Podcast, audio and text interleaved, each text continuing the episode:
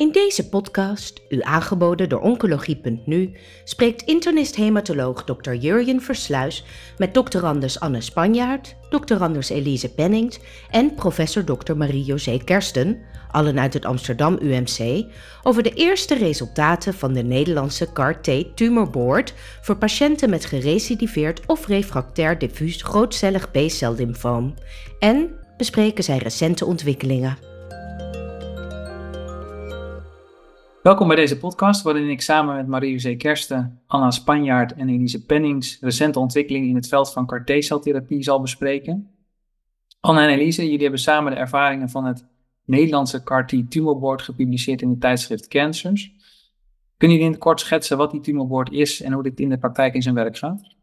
Ja, uh, de Tumorboard dat is een, uh, nou, landelijk initiatief. Het is een expertpanel waarin um, uh, vanuit de Cartesicentra één of meerdere hematologen zijn vertegenwoordigd uh, in de tumorboard. Um, en um, die uh, bespreken eigenlijk patiënten die op nationaal niveau dus kunnen worden verwezen. En die bespreken dan de indicatie en of de patiënten wel of niet in aanmerking komen voor cartesiotherapie en of dat nou de beste behandeling voor ze is. die meeting die vindt twee keer per week online plaats. Um, en um, nou ja, aangezien uh, natuurlijk wel een hele effectieve therapie is, maar wel ook gepaard kan gaan met uh, nou, bijwerkingen. En het is ook een kostbare therapie, is het wel belangrijk om nou, voor zo, zo goed mogelijk de, de patiënten te selecteren. Uh, maar ook ja, ervaringen te delen en samen beleid en richtlijnen op te stellen. Dat is eigenlijk het, ja, ook het doel van de tumor om de kwaliteit van de CAR-T-celzorg in, uh, in Nederland ja, te optimaliseren. Maar het is ook mooi dat je dat dan kan evalueren met elkaar. En daarom is er ook een, uh, een onderzoeksinfrastructuur aangekoppeld, Follow CAR, waar, waarbij uh, zowel uh, klinische data als patiëntgerapporteerde uitkomsten als biobankmateriaal kunnen worden verzameld. Um, en ik denk dat het, ja, het unieke is eigenlijk dat het echt een landelijk initiatief is, waarin uh, alle cartes het gaan meedoen voor volwassenen. En dat je dus ook al die patiënten kan vervolgen vanaf verwijzing tot, uh, nou ja, uh, zo lang mogelijk, zeg maar. Ja. Zeggen, iedere Nederlandse patiënt die een CAR-T-celbehandeling krijgt of die overwogen wordt, die wordt daarin besproken. Er is geen manier om stiekem een CAR-T-celtoediening te doen buiten deze tumorboard. Nou, uh, nou eigenlijk niet, want uh, alle uh, de, de hematologen die nou, cartesiotherapie-programma's begeleiden in, in de academische centra, die zitten ook in, in de tumorboard. Um, en over het algemeen worden al die patiënten besproken en daar behandeld. Dus ik. Uitzondering is wel dat patiënten in studieverband uh, kunnen worden behandeld. Hè? En die worden in principe niet uh, besproken. Ja. Dus we hebben een aantal studies open. Bijvoorbeeld voor mantelcellymfoom, marginale zonlymfoom. Die worden dan niet uh, besproken. Nee. Dus het gaat echt om de commerciële toepassing. Ja, want toen wordt dus ook opgericht in mei 2020. Toen het eerste commerciële cartesial product beschikbaar kwam in, in Nederland voor volwassenen. Namelijk Actiecel voor patiënten met een uh, diffuus grootcellig B-cel na twee eerdere lijnen systemische therapie. En toen is die tumorboard ook opgezet. En we hebben inderdaad nu recentelijk de eerste twee jaar van die tumorboard uh, geëvalueerd. Ja, en dat zijn de data die jullie gepubliceerd hebben ook, denk ik. Hè? Daar, daar refereer je aan in de tijdschrift. Ja. ja, dat waren 250 patiënten die zijn uh, verwezen en besproken. En daarvan uh, zijn er 160 uh, geaffereerd en 145 hebben uiteindelijk de, de cartesiel-infusie gekregen. En betekent dat voor die 90 eh, patiënten dat jullie niet echt hebben afgewezen of waren er andere zaken die speelden? Um, nou, een deel, van de een, een, een, een, deel van die patiënten zijn afgewezen omdat ze niet aan de indicatie voldeden. Uh, dus bijvoorbeeld uh, omdat ze toch niet een grootcellig lymfoom hadden of niet twee eerdere lijnen met systemische therapie. Uh, of omdat er toch sprake, sprake bleek dat er geen refractaire of recidieve ziekte was. Dus ze voldeden gewoon eigenlijk niet aan aan de indicatie. En de overgrote meerderheid van de andere patiënten die zijn afgewezen, dat komt omdat ze toch ja, veel te snel progressieve ziekte hadden. en nou is ingeschat dat het gewoon geen haalbaar traject was voor deze patiënten. En kun je dan een voorbeeld geven waar je dan op baseert dat het de snel progressieve ziekte is? Ja, dus uh, een patiënt bijvoorbeeld die dan uh, bij verwijzing al een torenhoog LDA, LDH heeft, bijvoorbeeld in de duizenden met uh, enorme bulky disease, heel veel extra localisaties, daarbij al een slechte performance status, hele hoge inflammatieparameters bijvoorbeeld, allerlei voorspellers ook geassocieerd met slechte uitkomsten. Um, waarvan je ook denkt dat je helemaal geen opties hebt om te kunnen bridgen, zeg maar, om die periode te overbruggen. Uh, ja, dan, uh, dan denk je, ja, dit is toch echt een, een, een brug uh, te ver. Dat, daar, we gaan het gewoon niet redden om ook te wachten tot die karteten zijn gemaakt. En dan, ja, dat hebben we natuurlijk ook al meegemaakt, dat we zo'n patiënten wel een kans hebben gegeven. En dat toch is gebleken dat dat uiteindelijk ja, niet haalbaar was. Ook de reden dat die patiënten die wel zijn geaffereerd, maar toch nog de cartesian infusie niet krijgen, dus de afgerezen patiënt, kwam dat ook in, in merendeel door toch te snel progressieve ziekte. Ik kreeg toen ik jullie paper las dat het eigenlijk niet ligt aan de snelheid, want hè, je zei al twee keer per week zo'n meeting, ja. snel besloten wordt en dat er dan ook snel geaffereerd zou kunnen worden. Hebben jullie daar nog wat data in, in verzameld, uh, van tijd tot tumorboord tot uh, daadwerkelijk infusie bijvoorbeeld? En is dat anders dan wat je ziet in studies bijvoorbeeld? Ja, dus we hebben gekeken van wanneer is er nou eigenlijk een indicatie uh, voor carteseltherapie. Uh, dat hebben we kunnen bekijken, dat, de hè, dat staat op het aanmeldformulier dan. Wanneer er op basis van de PET-CT-scan was er dan een nieuwe indicatie voor, voor de. En wanneer spraken we die patiënt dan in de tumorboard. En dat was mediaan zes dagen. En dan gemiddeld duurde het een dag voordat die patiënt werd aangemeld en besproken in de tumorboard. En dan tussen zeg maar die uh, aanmelding en de screening, dat was dan mediaan, duurde dat ongeveer twee weken. Uh, en vervolgens heb je nog, ja, mediaan duurde het 35, 35 dagen tussen, uh, zeg maar dan de afrezen en de infusie. Um, en dat, ja, dat wordt niet door elk, elk land en elk woord gerapporteerd. Dus dat is valt niet altijd te vergelijken, maar voor de landen die dat wel hebben gerapporteerd, doen het ja, wat sneller ook. Uh, ietsje sneller of vergelijkbaar met, met die andere landen. Maar um, zoals je ziet, hè, die tijd tussen screening en, de, en of de, de tijd tussen afrezen en infusie is toch nog vrij lang. En dat is het mooie bijvoorbeeld van de ja, de nieuwe Hoofd 161-studie die nu loopt. Um, hè, waar gecoördineerd door uh, Tom van Meert vanuit Groningen. Waarin commerciële uh, worden vergeleken met academisch geproduceerde CAR-T-cellen. En daar is de vein-to-vein time, zoals dat nu veel korter, daar, daar wordt er geaffereerd. Wordt er een vers product gemaakt, hoef je maar zeven dagen te wachten. En, en dan krijg je vers uh, product weer, weer, terug die je aan de patiënt mag geven. En hopelijk uh, is zowel, nou, omdat je dan een kortere dus manufacturing time hebt, maar ook omdat je misschien wel fittere D-cellen hebt, dit, een product dat tot betere resultaten gaat leiden. En denk je dan, uh, want je zei al, uh, veel patiënten worden dan niet, in, komen niet in aanmerking vanwege progressieve ziekte. Ga je dat dan vaker toch wel doen, omdat je dan een kortere tijd tot infusie kan hebben? Heb je daar een gevoel bij? Het is natuurlijk wel zo dat je nu van tevoren, als die patiënt in de tumor wordt, wordt besproken, niet weet welke arm je loopt. Um, uh, en uh, dus je weet van tevoren natuurlijk ook niet uh, of je kort moet wachten of lang moet wachten. Ik denk. Dat blijft nog lastig inderdaad. Ja. ook al omdat je, ja, voor een studie moet je een patiënt natuurlijk wel screenen. We proberen dat met z'n allen natuurlijk allemaal wel zo snel mogelijk te doen.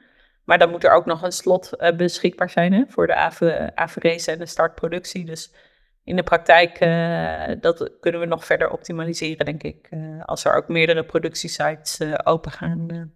Ja, nee, duidelijk. Zeg, en dan het belangrijkste, denk ik, de resultaten van jullie, en van de tumorboard, hè, de, de overleving in de respondents, die zijn volgens mij heel bemoedigend.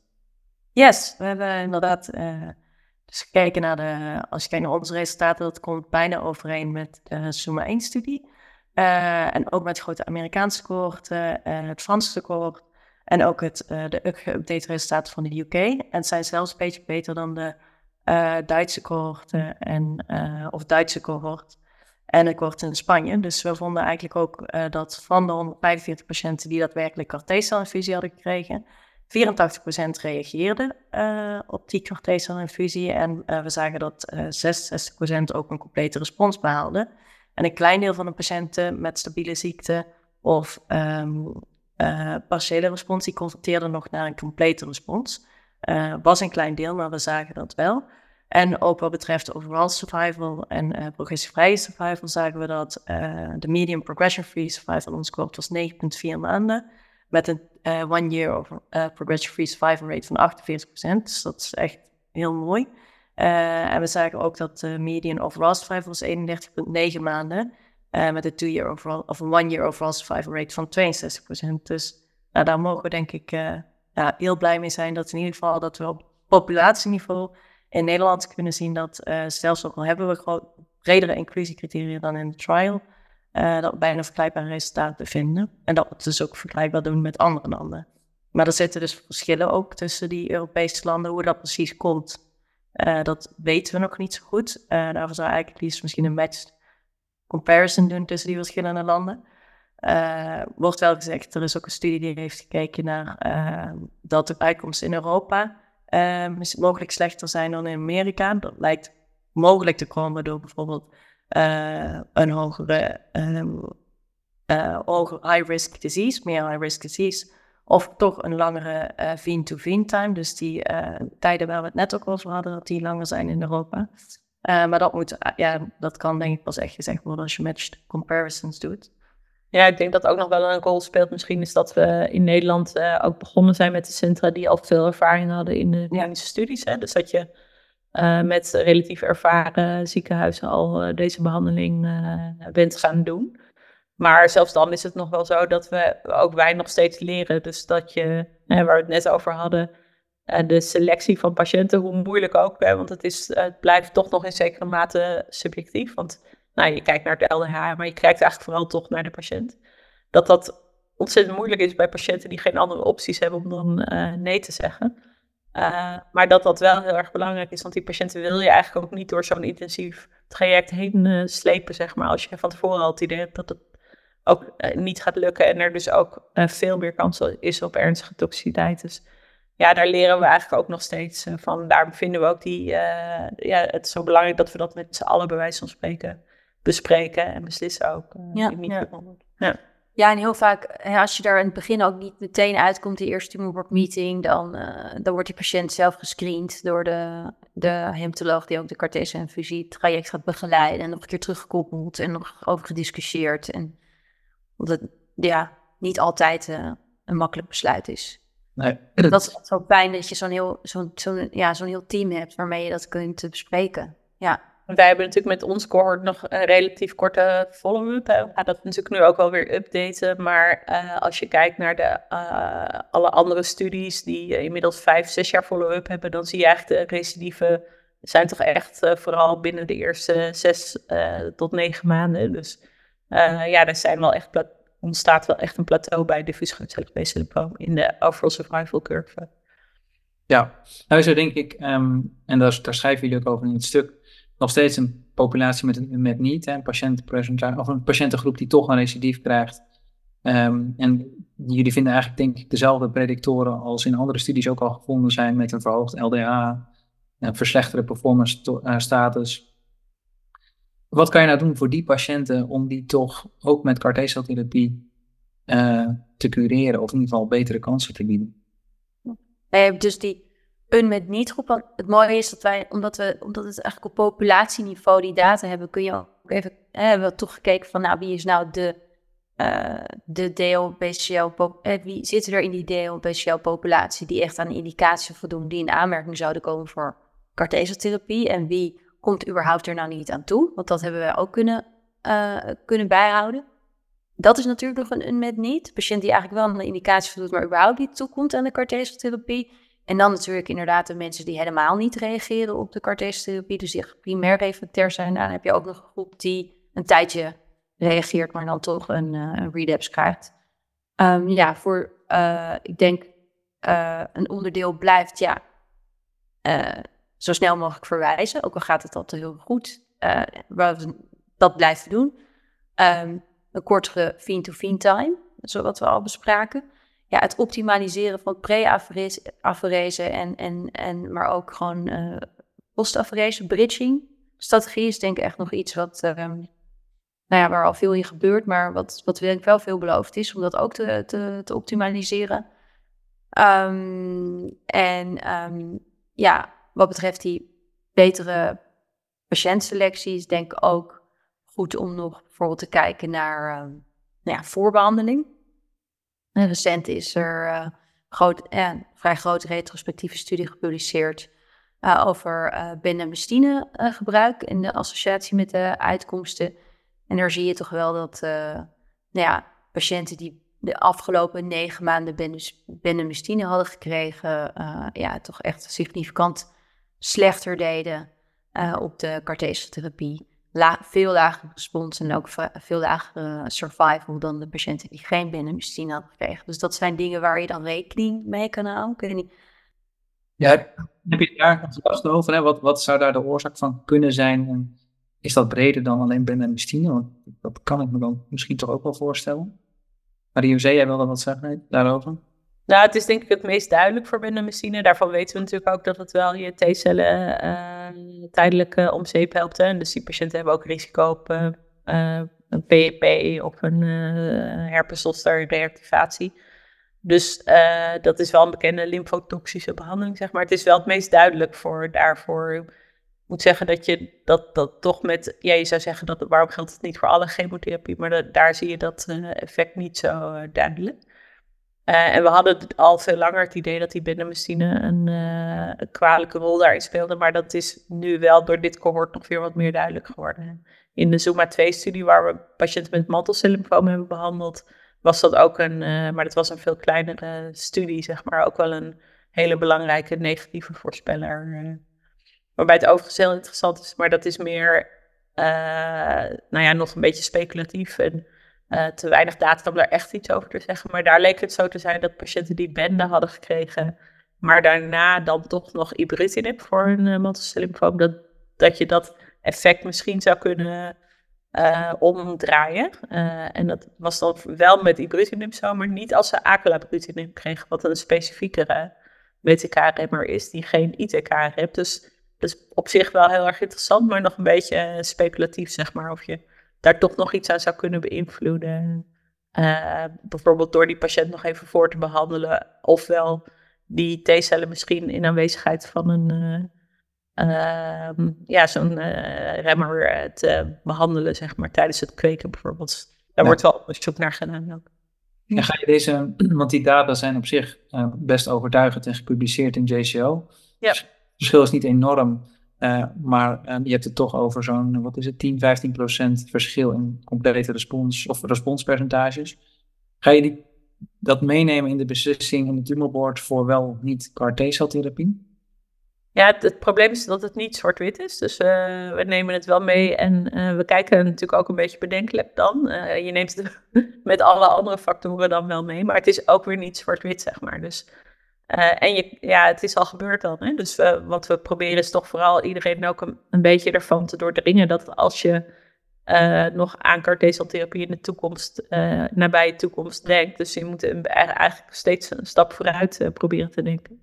Dat dan bendamustine, al dan niet in combinatie met polatuzumab, niet een ideaal regime is om aan patiënten te geven met een recidief deel BCL of een uh, folliculaire lymfoom straks als we het voor die indicatie beschikbaar krijgen. Dus eigenlijk is het belangrijk om een beetje vooruit uh, te denken.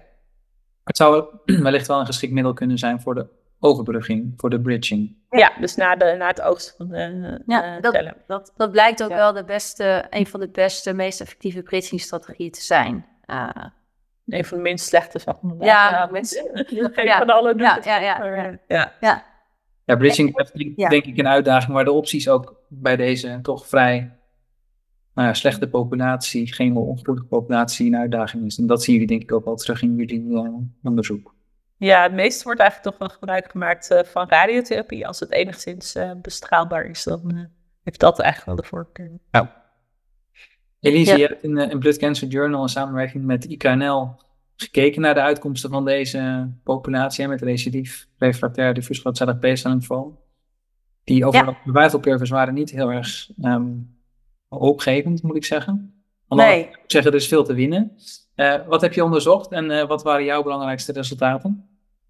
Ja, dus wat we hebben gedaan, uh, het is dus bekend dat eigenlijk patiënten met diffuus grootcellig B-cel tegenwoordig behandeld worden met R-CHOP, maar dat toch 20 tot 40 procent eigenlijk daarop refractair is of een recidief ziekte krijgt. En eigenlijk de grootste, een van de grootste studies die daar echt goed naar heeft gekeken, um, is de Scholar One-studie. Die hebben een pooled analysis gedaan van uh, twee clinische trials en twee academic databases. Toen hebben ze op patient-level outcomes bekeken van 636 patiënten die uh, een recidief of refractair diffuus grootcellig B-cel hadden. Ja, en die uitkomsten waren destijds al uh, niet niet goed. Uh, dat was een mediane overall survival zij van 6,3 maanden met slechts een 2 jaar overall survival rate van 20 procent. Um, en dat is ook waar naar deze studie wordt ook veel verwezen. Dus laat zien, er is echt een behoefte aan betere behandeling voor deze patiënten. Um, en gelukkig zijn er nu ook allerlei nieuwe behandelingen, zoals carteseltherapie, die beschikbaar komen. Dus dit was wel goed om te noemen. Dit was voor het tijdperk dat carteseltherapie echt breed ingezet werd. En je ziet ook dat uh, fase 2, dus de fase 2 klinische trials, op basis waarvan eigenlijk uh, de verschillende CAR-T-celproducten voor diffuus grootcellig B-cel nu goed zijn gekeurd. Ja, dat zijn geen gerandomiseerde fase 3 studies, maar zij vergelijken eigenlijk ook hun resultaten met die Scholar 1-studie. en nu dachten wij, we zijn eigenlijk ook wel benieuwd hoe kunnen we dit ook vertalen naar de Nederlandse populatie? Hoe ziet het eruit voor onze populatie? En dit waren natuurlijk data van uh, twee academische databases en clinische trials. Dus kun je die resultaten ook wel vertalen naar de dagelijkse praktijk. En uh, we hebben de unieke mogelijkheid gehad eigenlijk om met data uit de Nederlandse kankerregistratie op populatieniveau te kijken wat in Nederland de uitkomsten waren voor deze patiëntenpopulatie. Um, en daarin hebben we gekeken naar het cohort uh, dat tussen 2014 en 2018 gediagnosticeerd is met diffuus grootcellig B-cel getransformeerd folliculair lymfoom of een primair mediastinale B-cel En uh, van die patiënten waren ook follow-up gegevens verzameld. Dus daardoor konden we ook kijken van hey, hoeveel patiënten uh, hebben nog vervolgbehandelingen gehad en wat was dan de respons op vervolgbehandeling.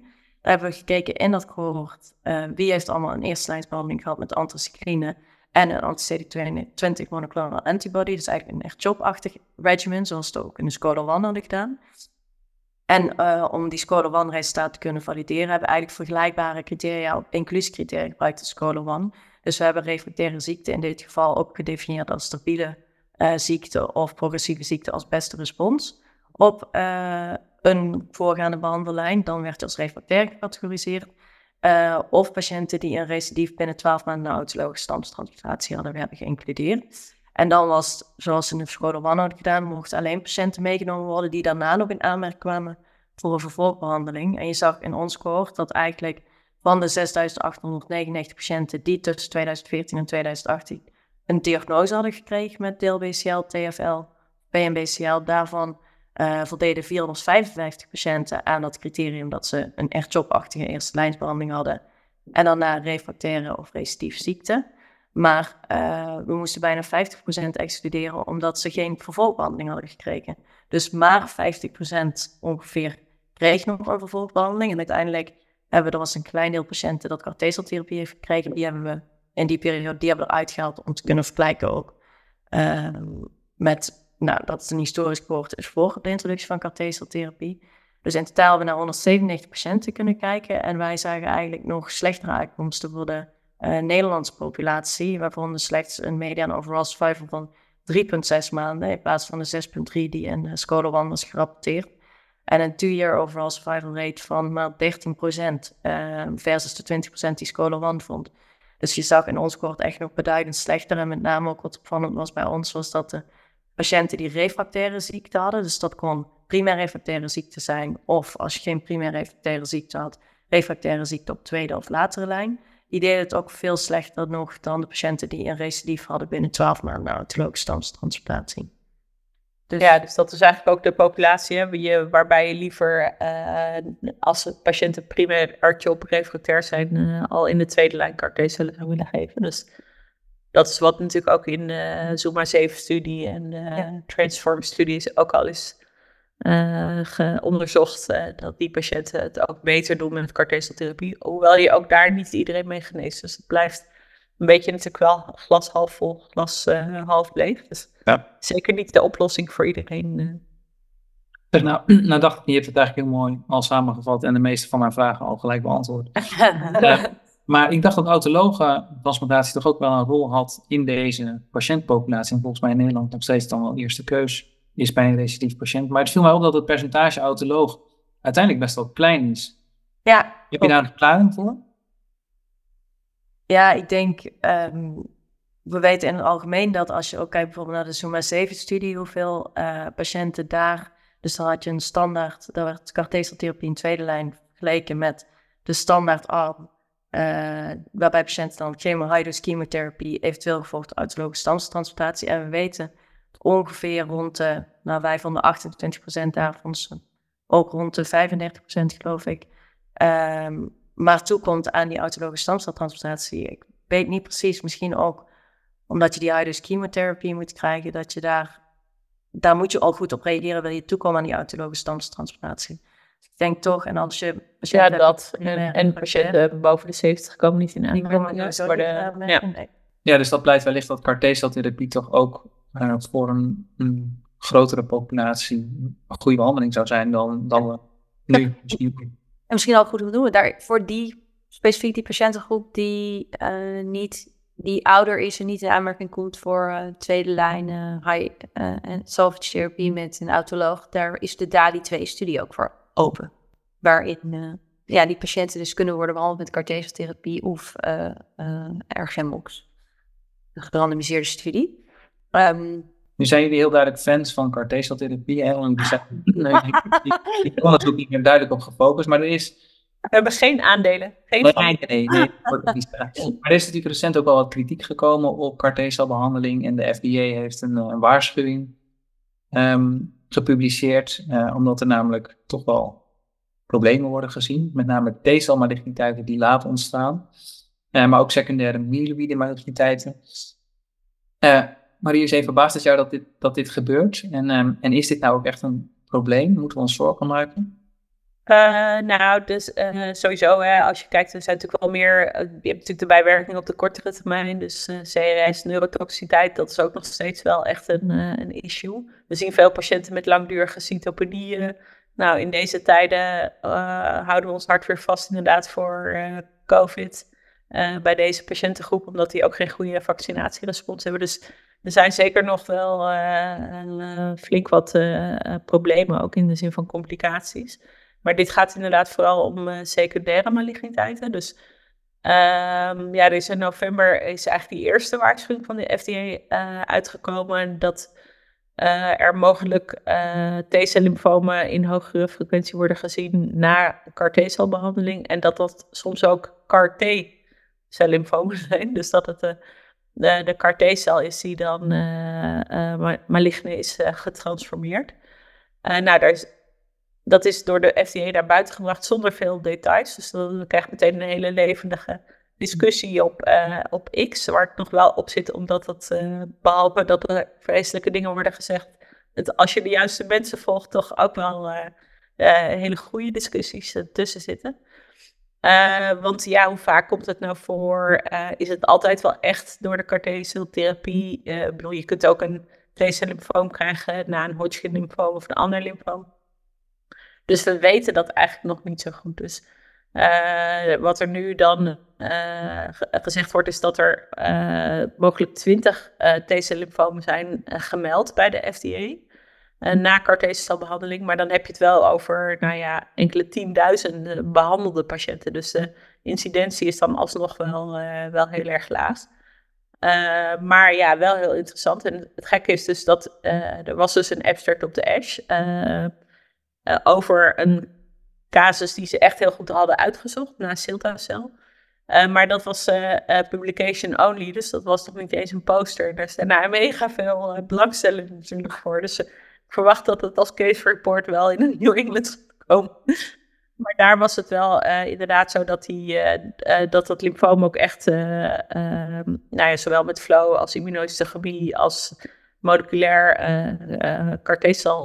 CAR-T-cellen bleek te zijn. Waarbij er ook integratie van de CAR was in een, in een gen, PBX2-gen.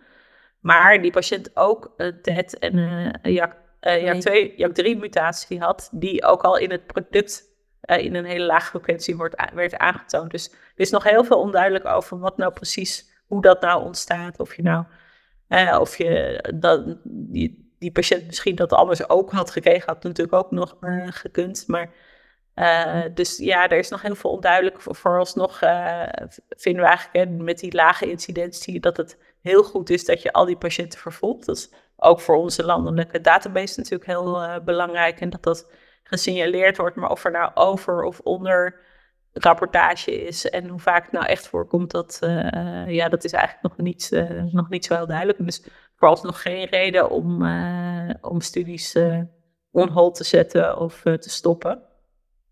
Eerder, dat is twee jaar geleden volgens mij, is het wel zo geweest waren twee patiënten in blad uh, gemeld ook. Die waren behandeld met CAR-T-cellen waarbij een niet-virale transductie was gebruikt met uh, transposons. En uh, met piggyback heet dat dan. En dat, die studie is toen wel gestopt, omdat dat echt bij twee patiënten van de tien, zeg maar, voorkwam. Dus met die niet-virale transductie, dat dat misschien ook nog, ja, nog, nog iets te vroeg is om dat dat waren dan allogene T-cellen overigens. Ja, dus nog, ik vind het wel heel spannend, maar uh, uh, geen reden nu om uh, het niet te doen, zeg maar. Zeker niet als je natuurlijk kijkt naar, ja, dit zijn vaak patiënten met geen andere opties, waarvan een belangrijk deel, zeker met diffuus grootcellig B-cel alsnog genezen kan worden. Nee, ik denk als je de data van Elise vergelijkt met de data die je publiceerde van het Tumorboard, dat van ja. een hele slechte prognose naar een toch uh, veel betere prognose. Ja, ja. Dat dat, dat dat al snel opweegt. En dat was denk ik ook het statement uh, wat de belangrijke CAR-T-onderzoekers maakten. Dat op dit moment er nog geen reden is om die, uh, die twijfel te nee. verwerken door iets in het beleid te veranderen. En ik denk dat jullie het alle drie, jullie ook niet mee. mee ja. Ja. ja. Nou ja, het is ook in, voor zover ik weet, in Nederland nu ook nog niet gezien. Hè? Dus we hebben natuurlijk inmiddels ook al honderden patiënten behandeld in de commercieel en ook in studies. en, en, recent ook hè, in die grote meta-analyse die is gedaan door uh, de groep van uh, Bieski. Dat is ook een presentatie op ASH. Hebben ze ook gekeken naar de oorzaken van non-redemption mortality. Daar zie je ook weer duidelijk dat infecties toch echt wel het allerbelangrijkste ja. reden zijn dat patiënten overlijden. En dan met name virale infectie en COVID werd heel erg veel gerapporteerd. Ook wel een hele grote groep waar het niet duidelijk was wat de doodsoorzaak was. Dus dat is wel een tekortkoming. Maar, um, en daar, um, daar zat ook, dat, is, dat waren kleine 3000 of iets minder dan 3000 patiënten. Daar is geen T-cel lymfoom uh, in gerapporteerd. Myelomaligniteit, hè, denk ik. En dat, dat wilde je misschien ook ja. vast. Ja, ja, precies. 6% in, toevallig in die, uh, in die uh, meta-analyse. 6% inderdaad MDS-AML. Um, wij hebben ook drie, in ons cohort van 145 patiënten, van de mensen die doodgingen, waren dat ook drie patiënten die zijn overleden aan de gevolgen van uh, AML, MNS, AML. Um, ja, dat is ook nu wel hot topic, dan daar naar te kijken van uh, uh, hoe komt dat? Is dat, wordt dat veroorzaakt door nou ja, voor, uh, lymfodepleterende therapie of de voorgaande behandeling of um, heeft het iets te maken met de CAR-T-celtherapie uh, zelf? Uh, dat is vooralsnog niet helemaal duidelijk. Um, daar is ook een uh, abstract over gepubliceerd. Misschien wil jij er wat over zeggen, van Hamilton. Ja, en toch, ik denk dat dat wel de beste studie op heden is die naar haar gekeken heeft. Ja, die keken wel vooral naar die cytopenie. Hè? Dus wat uh, misschien de rol is. Uh, je hebt dus een, nou ja, zeg maar een 20, 30 procent, beetje afhankelijk van de ziekte. En uh, CAR-T-soort die is gegeven patiënten die toch echt wel langdurige cytopenie hebben. En de vraag is, heeft dat iets te maken? Misschien zijn er oorzaken misschien in het feit dat die patiënten al klonale hematopoïese hadden.